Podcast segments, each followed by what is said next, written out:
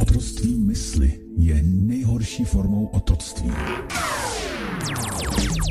Posloucháte. Dejte mi kontrolu nad národní měnou. A je mi. Posloucháte Svobodný vysílač Česko.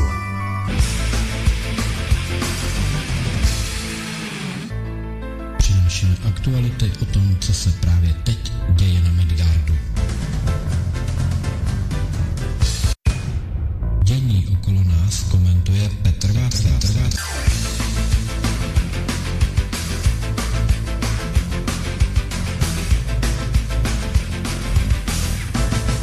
Vážení a milí posluchači, já vás tady z Midgardu vítám u čtené verze, protože vám budu číst z knihy, kterou vydal Českomoravský slovanský svaz a ta kniha se jmenuje Jeroným Pražský 600 let. Byla vydána u příležitosti 600. výročí upálení tohoto našeho velkého mistra. A to, kdo to vlastně ten Jeroným byl, protože dějiny o tom příliš nehovoří, právě hovoří tato nepříliš silná a za to informacemi nadupaná kniha. Budeme si číst první díl, předpokládám, že se vám bude líbit a tak Petr Václav se tedy těší. Slovo úvodem. Petr Václav Synek. Dovolte, abych vám poblahopřál Držíte v ruce svým způsobem unikátní sborník pozbíraných střípků a dostupných informací o životě a díle mistra Jeronýma Pražského. Není náhodou, že více než 600 let po jeho upálení se potýkáme s úpadkem základních životních hodnot a morálky ve společnosti, která se údajně vyvinula a poučila z historie. Nalézáme společné indicie v současnosti Jeronýmově a naší, které nás pudí k reakci. A tak je sborník i zároveň zrcadlením nešvarů ve dvou od sebe odlišných světech, které až staletí od sebe vzdálené trpí stejnou schizofrenii morálky a pravdy. Autoři měli jediné obsahové zadání, Jeronýmův odkaz pro dnešek. Každý pojal prostor, ve kterém pracoval na svém příspěvku po svém. V něčem se sdělením prolínají, v jiném doplňují, ale také podporují a rozvíjí. Stejně jako při tvorbě sborníků Jan Hus 600 let jsme nebyli nuceni korigovat obsahově žádného z autorů a proto jsme princip použili i při vzniku sborníku Jeroným Pražský 600 let. Nechali jsme projevit osobnosti, znalosti i vyjadřovací schopnosti autorů s cílem způsobit různorodost pohledů na věc. K pochopení uvedeného vám jistě napoví trocha sdělení o jednotlivých autorech. Za vznikem sborníku stojí zejména tři osobnosti. Historička Marie L. Neudorflová přistupuje k historickým faktům s úctou a pokorou, ale umí si dopřát i výlet mimo oficiální proud. Byla nám garantem hranic, za které nás v našich smělých nadhledech nepustila. Její dlouholetý pobyt v Kanadě a univerzitní kariéra jí poskytly cené zkušenosti pro srovnání teoretického demokratického modelu společnosti s realitou. Podnikatel a krizový manažer Pavel Petkov čerpá inspiraci ze svých životních zkušeností. Procestoval svět, pracoval a pobýval v mnoha mezinárodních společnostech umístěných v rozličných kulturních, náboženských i politických realitách.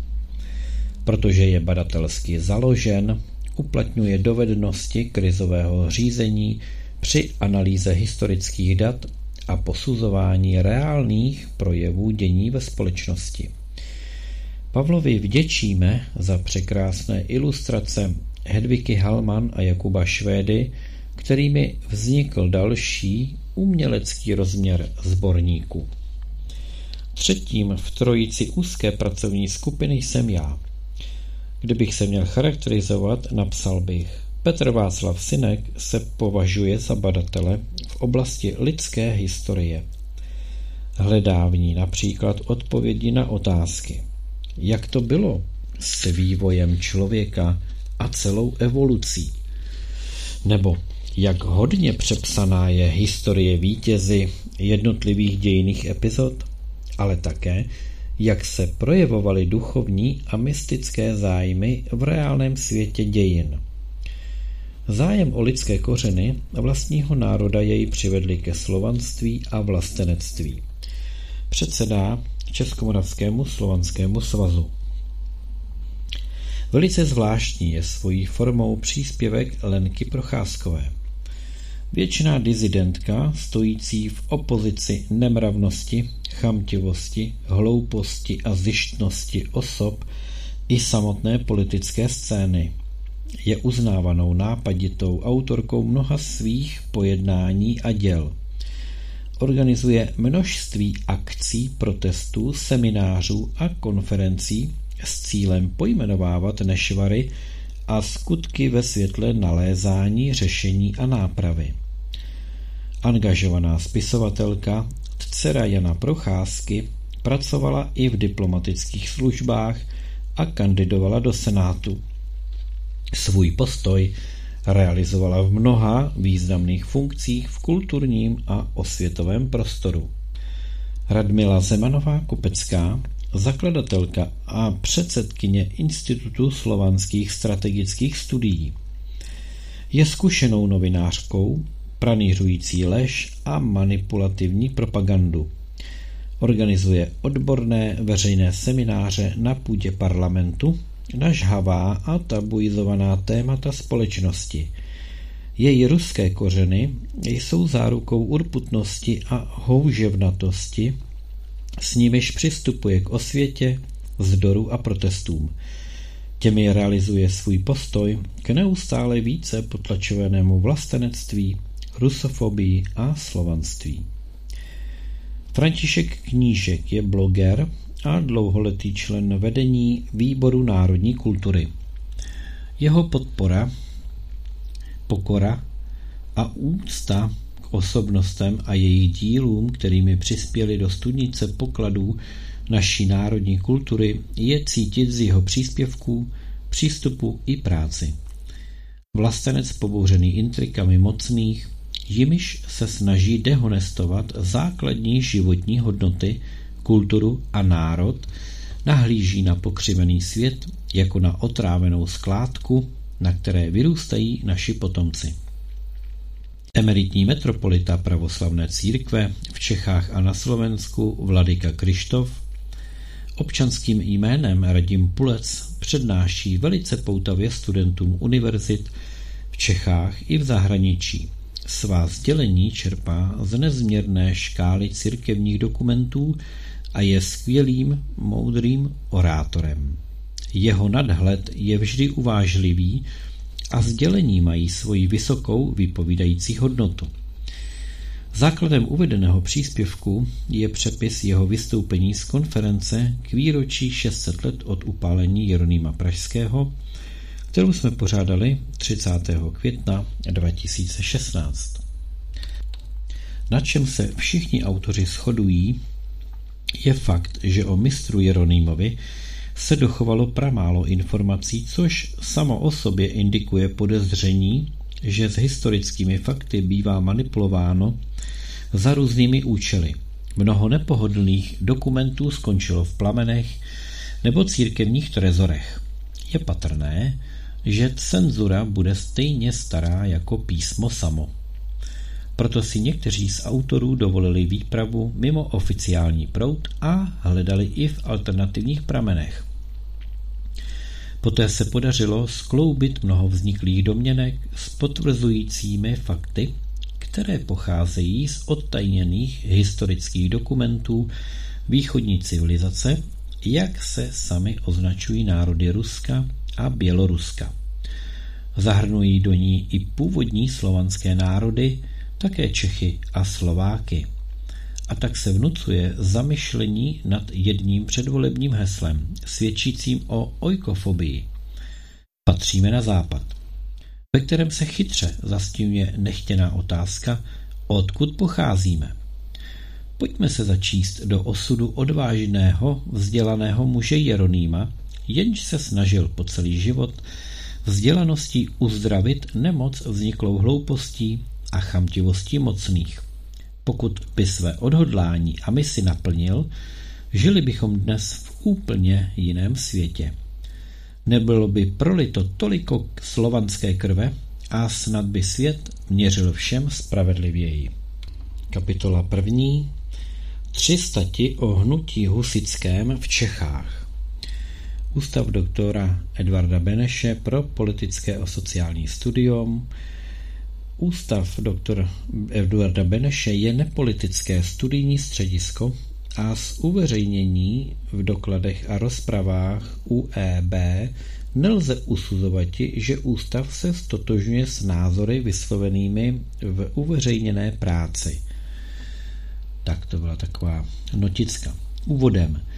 Tento dvojsvazek dokladů a rozprav obsahuje český překlad tří přednášek o husickém hnutí, z nichž první dvě vliv realistické filozofie na Jana Husa a Jeronýma Pražského přednesl profesor školy slovanských a východoevropských studií při Londýnské univerzitě Reginald R. Betts v Ústavu slovanských studií v Paříži ve dnech 17. a 18. března 1950 a třetí sociální prvek v hnutí husickém přednesla, přednesena byla profesorem Pařížského ústavu slovanských studií Alfredem Fischelem na shora zmíněné škole londýnské dne 28. února 1952.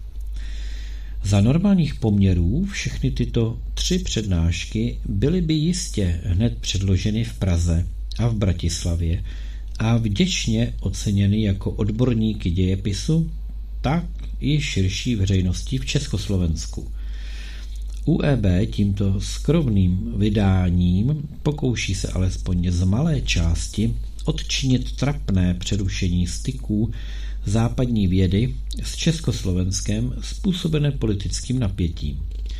Zájem západoevropských vědeckých kruhů a otázky československé zasluhuje samozřejmě pozornosti Čechoslováků a má zvláštní význam, že v Londýně i v Paříži studují se zejména dějiny české reformace.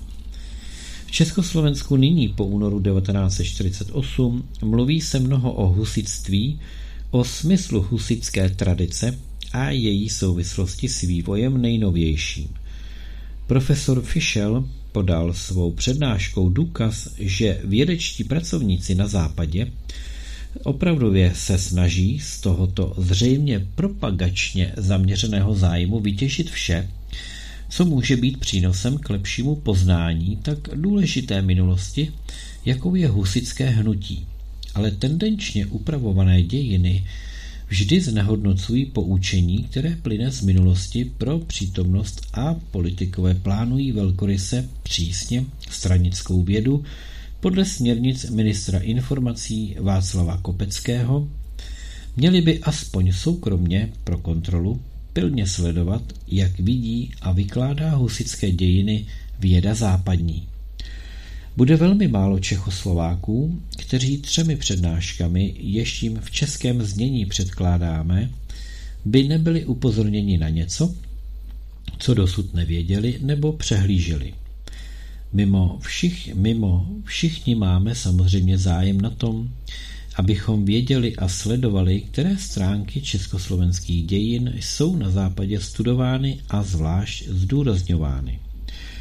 Hodí se připomenout, že také zakladatel Ústavu slovanských studií v Paříži profesor Arnošt Denis měl za první světové války v roce 1916 na Sorbóně přednášku o Jeronymovi Pražském u příležitosti pětistého výročí jeho upálení a ze znamenité oné přednášky bylo tehdy cítit, stejně jako z přednášky profesora Bece, zde přeložené hluboce upřímný a sympatický zájem o velké dějiny české reformace, které pro všechny příští časy a zvláště dnes spojuje osudy Čechoslováků s osudy světové demokracie. Je třeba ještě zaznamenat, že profesor Betz dal souhlas k této publikaci a sám přehledl a opravil překlad svých statí. Vedle dvou zde předložených přednášek měl profesor Bec v březnu 50 ještě též přednášku o politických myšlenkách prvních českých reformátorů, zvláště Matěje z Janova a Jana Husa, kterou slíbil později v rozšířeném znění rovněž dát UEB k dispozici. Redakce dokladů a rozprav. Pojďme se tedy podívat na to, co pan profesor jaksi sdělil. Takže Jeroným Pražský profesor R.R. Betz Čeští, němečtí a angličtí protestančtí spisovatelé 16. století ctili tři muže jako první představitele útoku na Řím. Žona Vyklefa, Jana Husa a Jeronýma Pražského. První dva byli značně studováni a jsou dnes dosti dobře známy.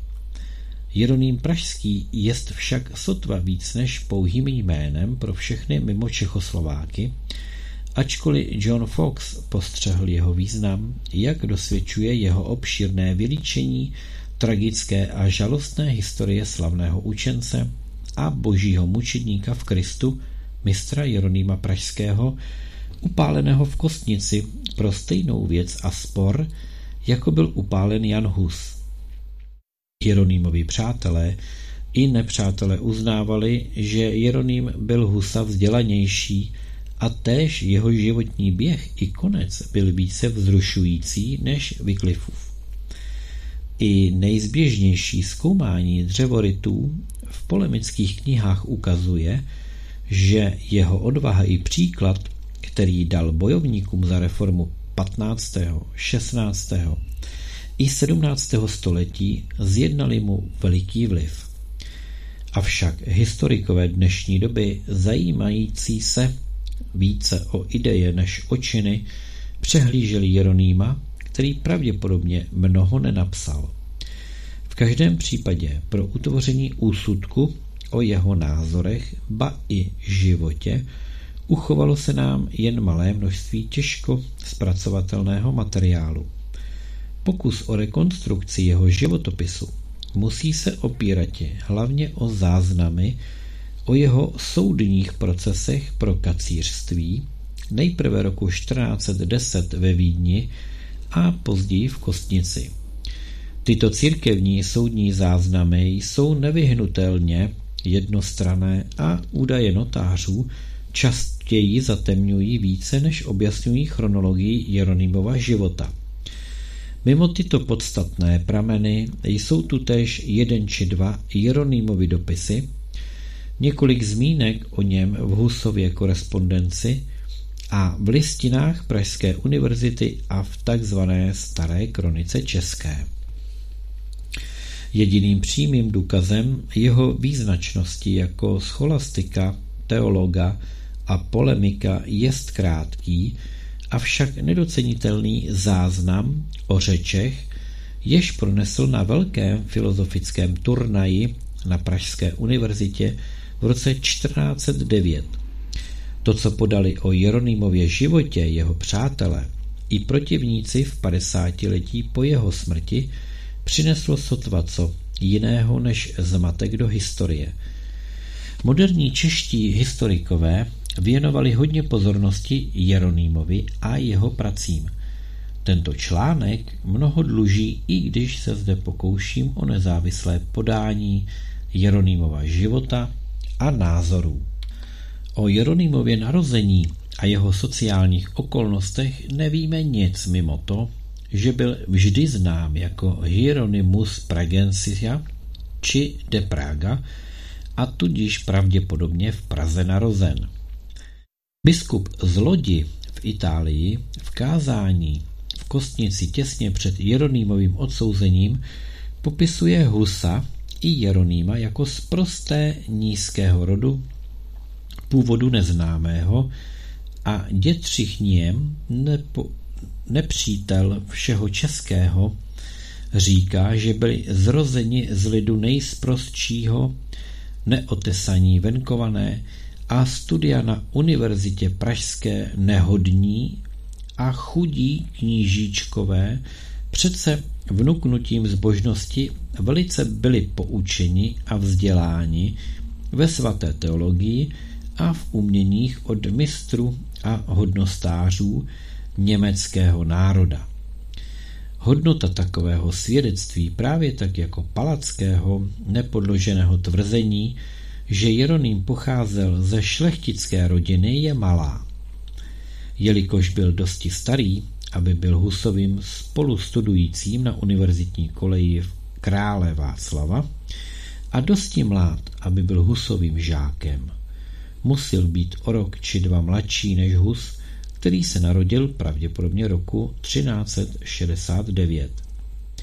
Jeroným dosáhl hodnosti bakaláře umění roku 1398 v tutéž dobu Hus požádal pro něho o dvouroční odklad přednášek. Zdá se, že Jeroným žádal tento odklad pro studium v cizině a že ho též využil k návštěvě v Oxfordu, jež snad trvala téměř dvě léta.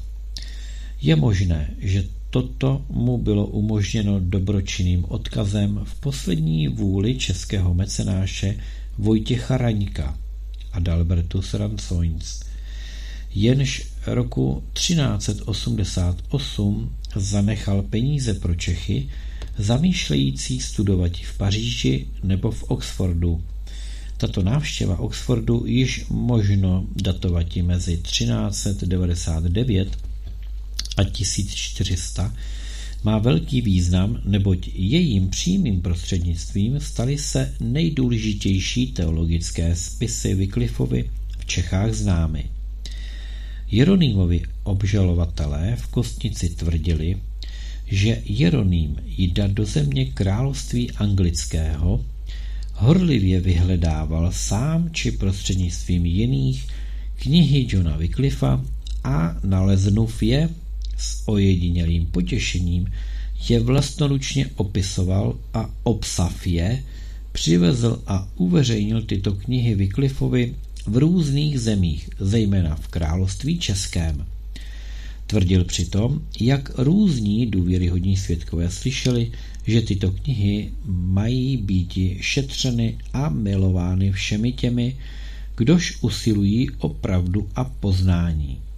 Jeroným tež tuto skutečnost nepopřel, neboť ve své odpovědi na obžalobu z vyučování vyklesismu v Čechách pravil.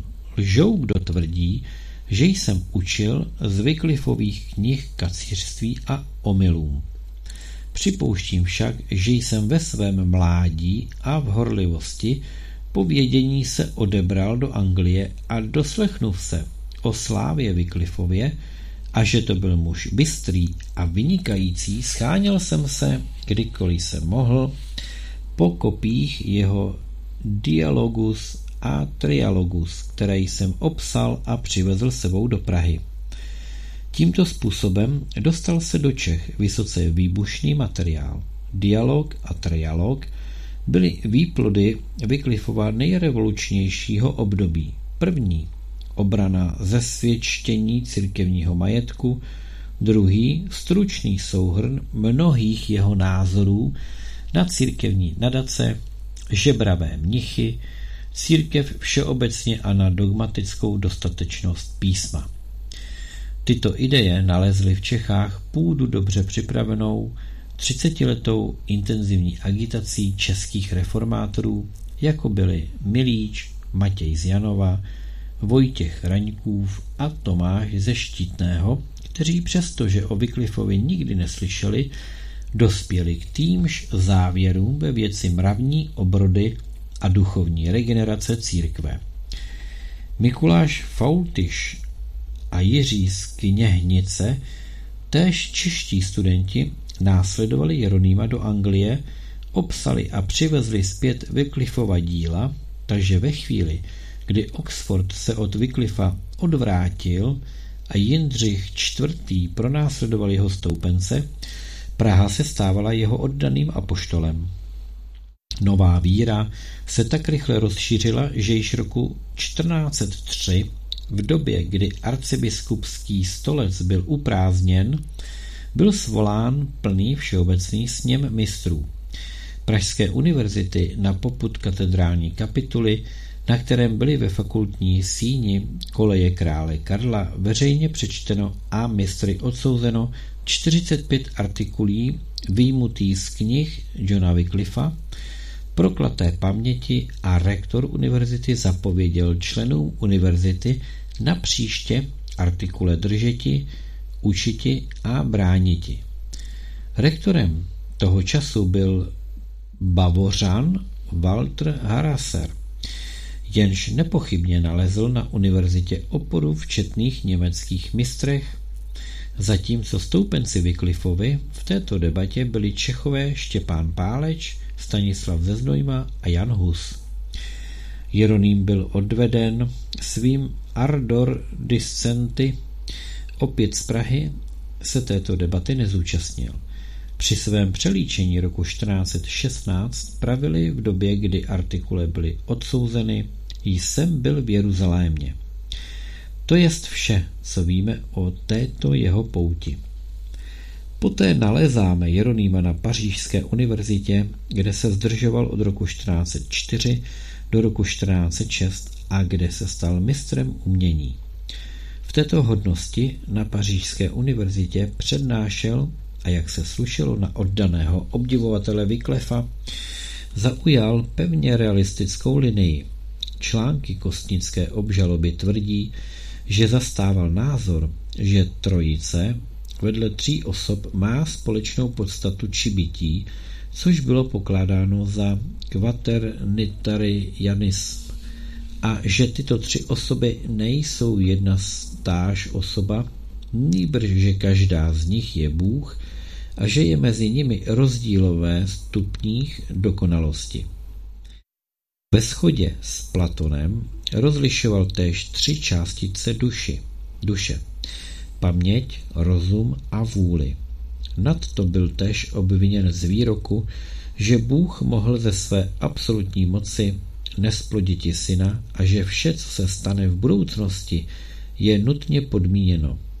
Ještě nebezpečnějším byl názor, že Bůh nemůže nic zničiti, téze, jež jest základnou Wycliffova formálního útoku na teorii transsubstiance.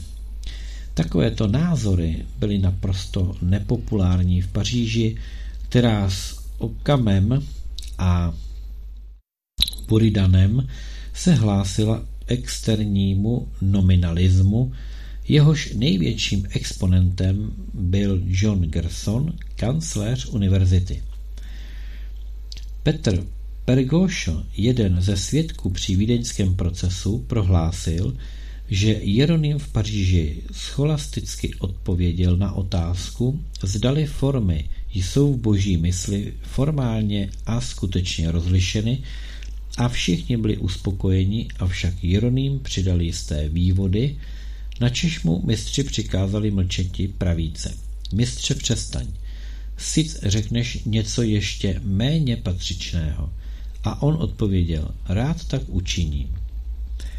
Pařížští nominalisté nakonec uznali, že Jeronýmova realismu nelze trpěti. Pařížští mistři, nadšení obránci víry, obeznámi vše se konečně s Jeronýmovými názory, pojali podezření, že Jeroným upadl do kacířství a zejména John Gerson, vážený kancléř univerzity, chtěl Jeronýma přiměti k odvolání jeho omylů. Jeroným však byl někým varován a tajně uprchl z města a univerzity. Zdá se, že z Paříže se Jeroným obrátil do Heidelbergu, kde pokračoval ve svém výkladu realistické filozofie s podobným výsledkem. Je to právě v Heidelbergu, kde poprvé slyšíme o Jeronýmově odvážném pokusu znázornit záhadu trojice diagramem představujícím štít, do jehož tří rohů byla vepsána slova led, sníh, voda. Jakýsi bakalář umění z Heidelbergu svědčil proti Jeronýmovi ve Vídni roku 1410 takto. Byl obžalován na základě čtyř článků před biskupem Wormským, avšak určité obtíže znemožnili jeho pokání. Tentýž svědek dodal, že byl též přítomen na čtyřdenním hádání v nových školách heidelberských, při kterém Jeroným se snažil obhajovati realistickou logiku a dokázati, že skutečnosti všeobecné mají býti podněty výroku ve větách a v důsledku toho tvrdil, že mistři Okam, Maulfeld, Burian, Marcellus z Ingenu a jejich stoupenci nejsou dialektikové, nýbrž ďábelští kacíři. Jeroným musel prý z Heidelbergu utéci potajmu tak, jako z Paříže. Jeronýmův zápal povědění či snad záliba v disputování nebyl zdaleka uspokojen, neboť víme, že téhož roku se odebral z Heidelbergu do Kolína nad Rýnem, kde jako v Heidelbergu dal se zapsati jako mistr umění.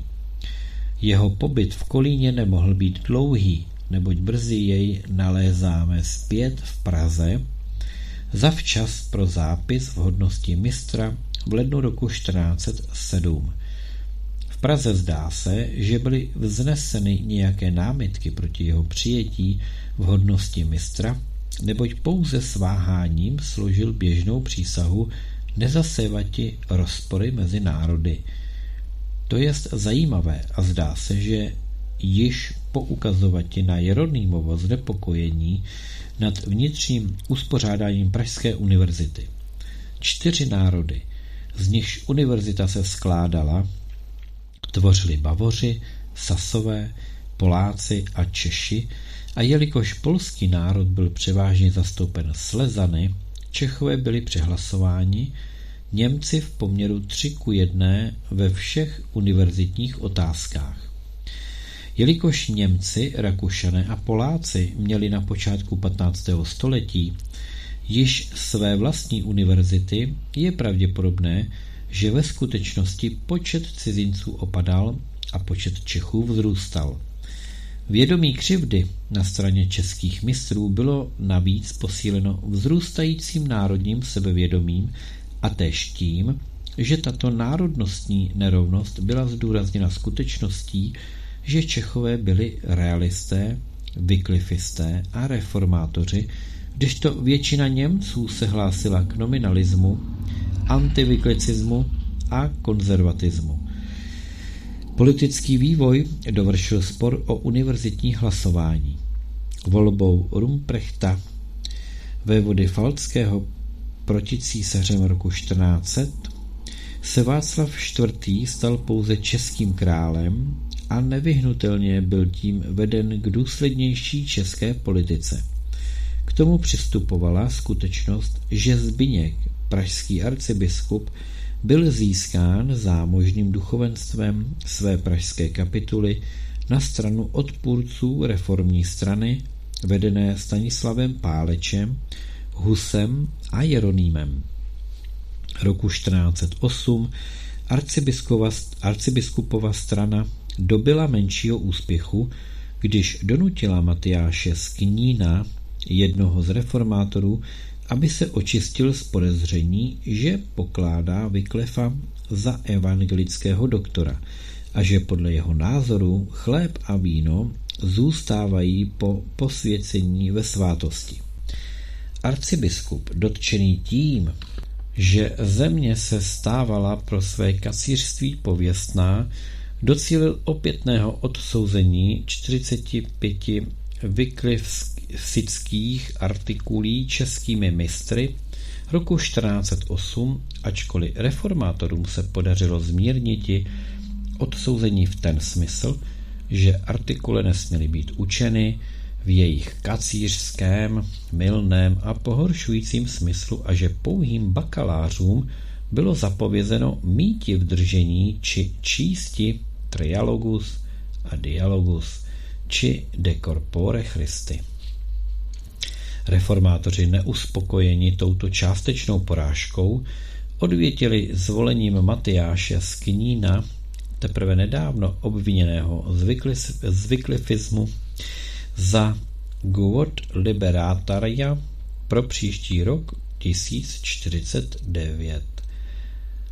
Libet byl roční dialektický turnaj a otevříti debatu bylo velkou ctí. A jelikož Knín byl k disputování ochoten, pravil jeden ze svědků při Jeronýmově vídeňském procesu, mnoho mistrů, jmenovitě Walter Harasser, mistr Petr Storch a mistr Jan Hoffmann a jiní nechtěli se k Betu zúčastniti, veřejně prohlašujíce, že by raději Prahu opustili, než se zúčastnili činu osoby podezřelé z kacířství, avšak král dopisem třem národům přikázal účastniti se Matyášova zahájení. Velká debata, jež zřejmě trvala několik dní, byla zahájena 3. ledna 1409.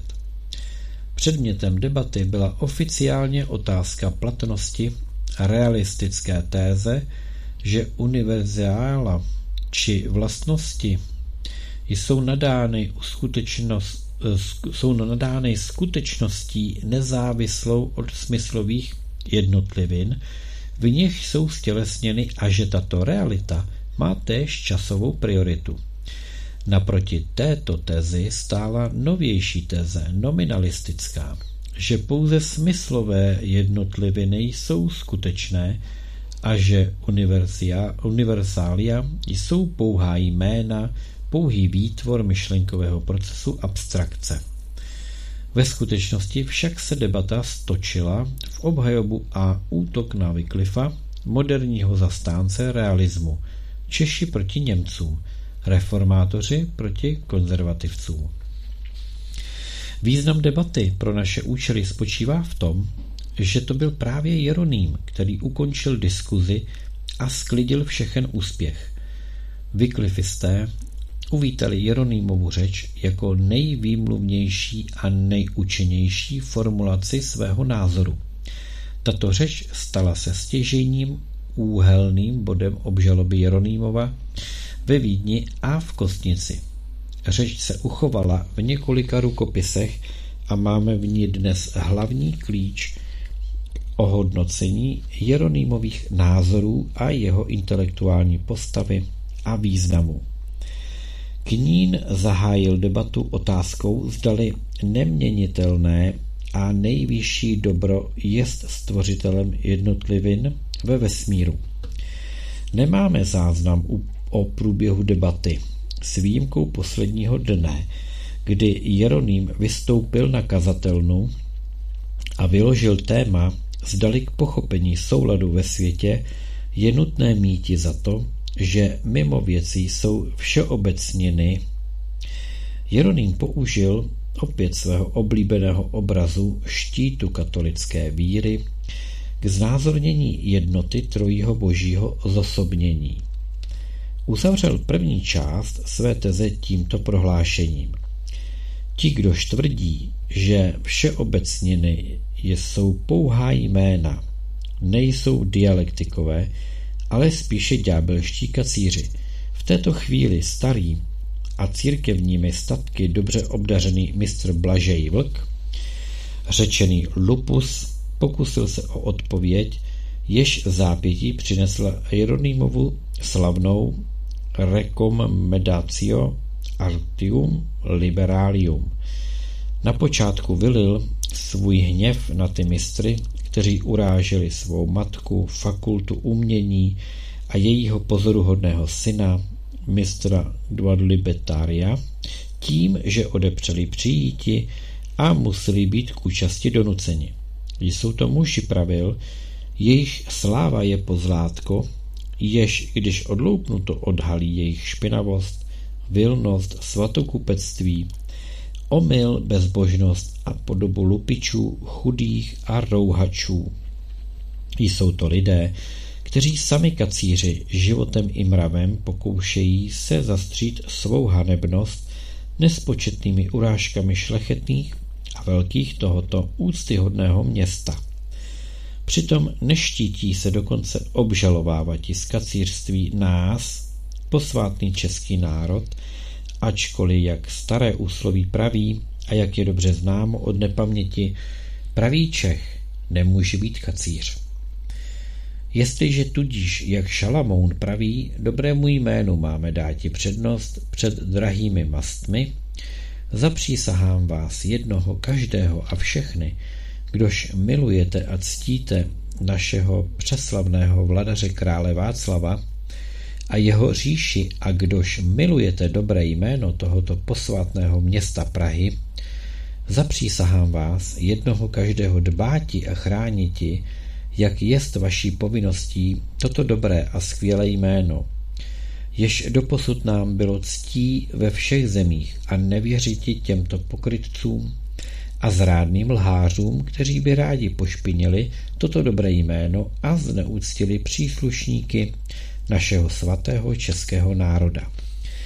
Jaká známka neznalosti v našich řadách, když někteří bezvýznamní kněží jsou ve svých lživých kázáních natolik pošetilí a tvrdí, že toto město chová mnoho kacířů, jež zovou vyklifisty.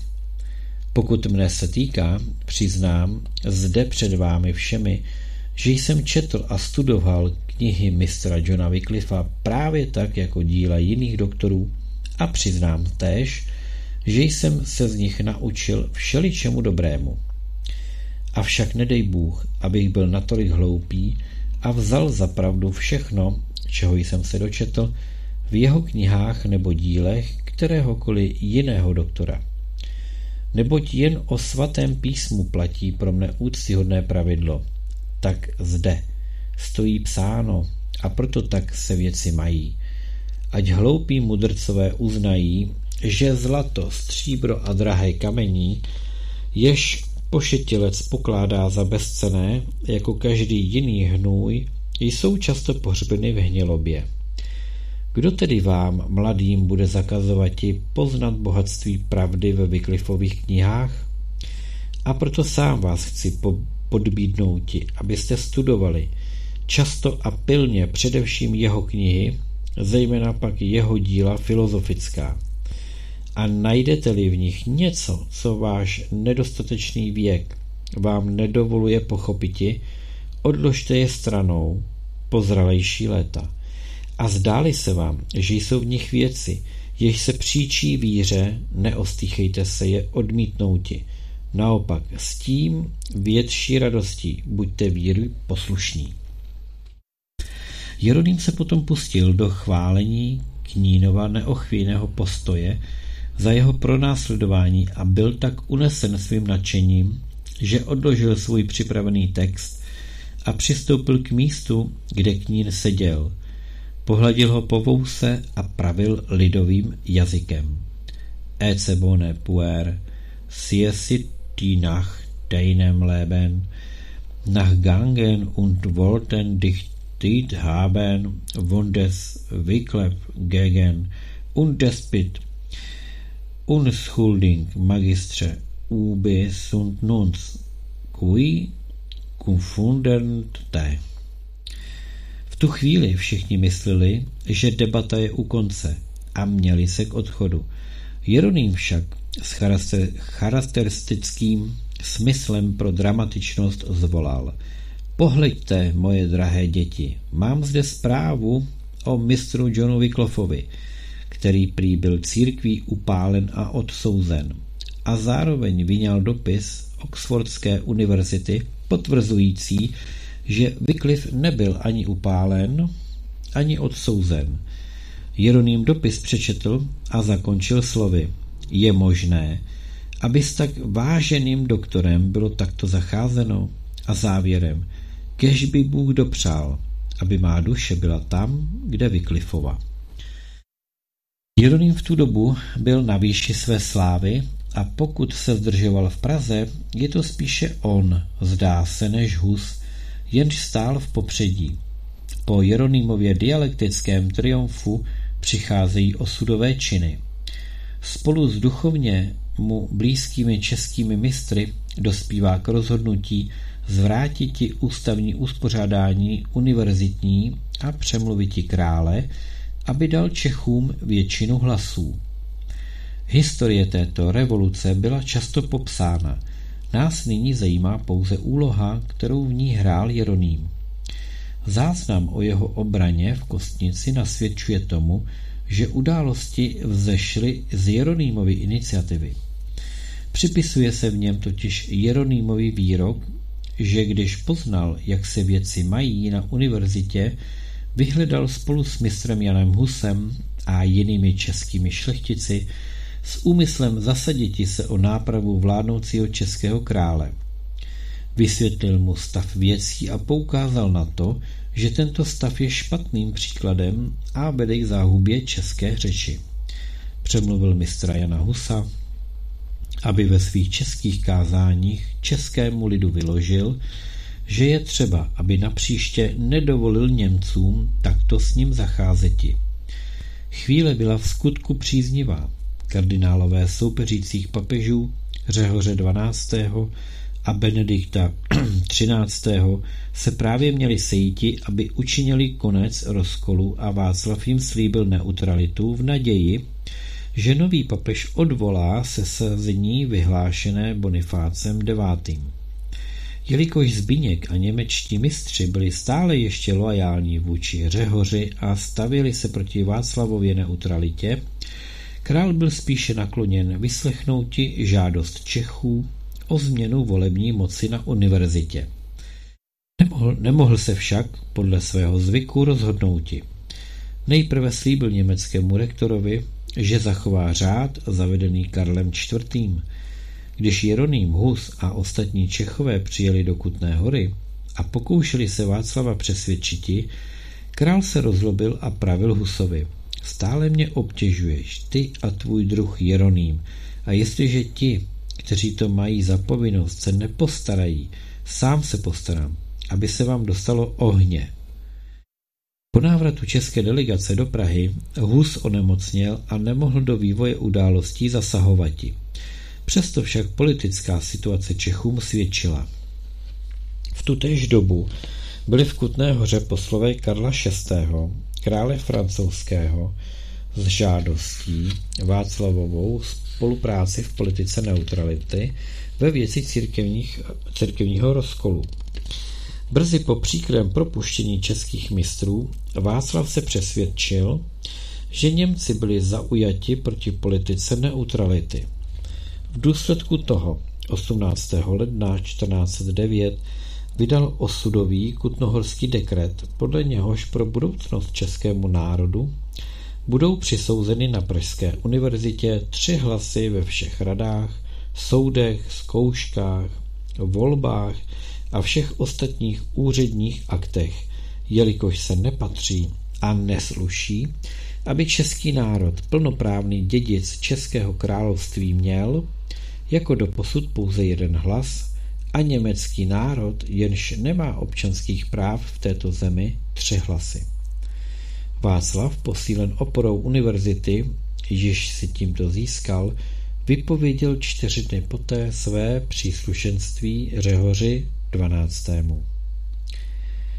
Na vídeňském přelíčení tvrzení svědků, kteří v tuto dobu dleli v Praze, se bez výjimky shodovala na tom, že Jeroným hrál v této věci hlavní úlohu.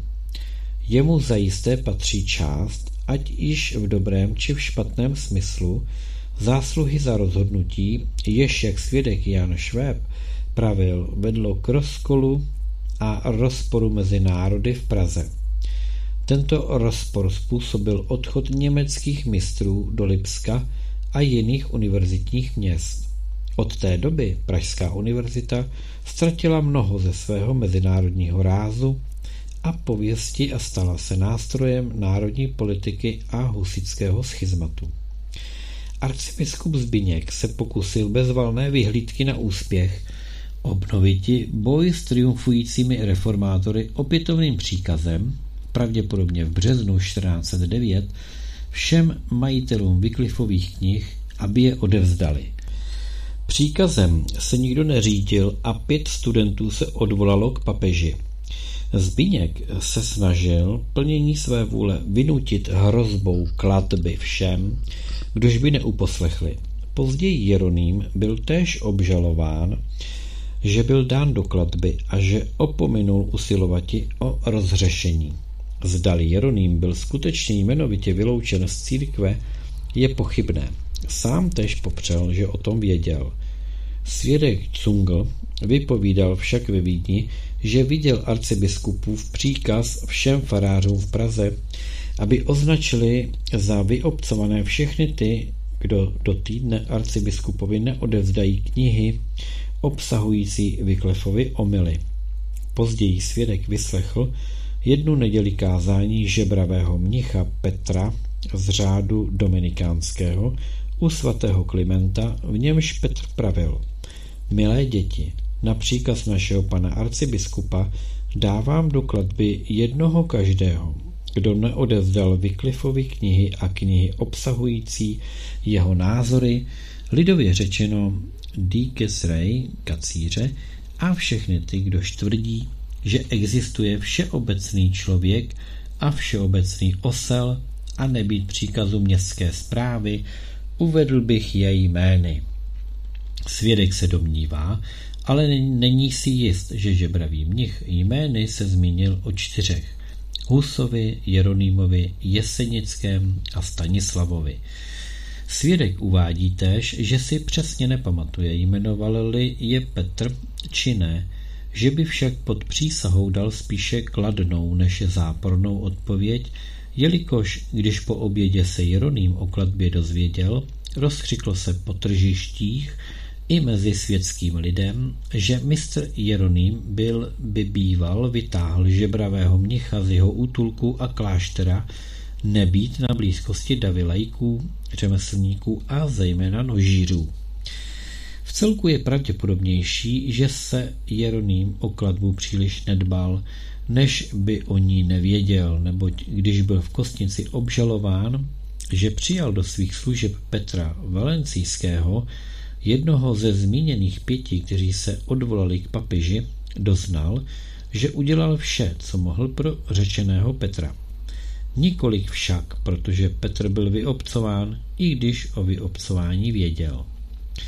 Přibližně v tutéž dobu, krátce po velikonocích 1409, Jeroným obnovil svou veřejnou rozpravu s mistrem Vlkem, svým protivníkem na Knínově Quedlitibu.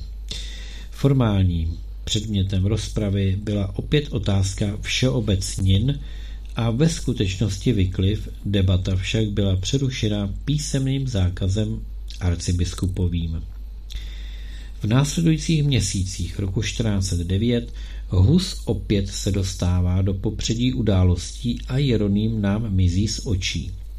Kdyby byl býval v Praze, když Zbyněk vyhlásil nad městem interdikt a formálně obžaloval Husa z kacířství před inkvizicí, jistě bychom o něm byli slyšeli. Kde byl, nevíme. A příští zpráva o něm, oplývajícím jako vždy neobezřetným nadšením, přichází z nového prostředí z dvora uherského krále Zikmunda v Budíně. Snad to byl opravdový misionářský zápal, hlásati reformní ideály, jenž ho pudil na tyto povídavé cesty, jak Ondřej Grillemberský naznačuje ve svém úředním odsouzení Jeronýma ve Vídni. Tak tady skončíme to první čtení z tohoto sborníku a já se budu s vámi se všemi těšit už brzy u dalšího druhého pokračování. Takže od mikrofonu Petr Václav. Tak jako hejno krkavců snesli se na tuto zemi, aby vyklovali každé zrnko zlata a stříbra. Nemají slitování. Jejich srdce zjedovatěla touhou po bohatství. Se vším kupčí, všechno prodávají. Chceš pokřtít dítě? Zaplať. Chceš loupit a vraždět? Zaplať a bude ti odpuštěno. Ale pak, kdyby sám ďábel zaplatil, stoupil by na nebesa? A za peníze takto vydřené z chudého lidu koně krásné chovají, čeleť nepotřebnou drží. V kostky hrají a na své kuběny kožichy drahé věší. Zatímco Kristus chodil bos a neměl, kde by hlavu složil. Však poznejte se vy, zloději chudého lidu, neboť Bůh i lid vás vidí. Mistr Jan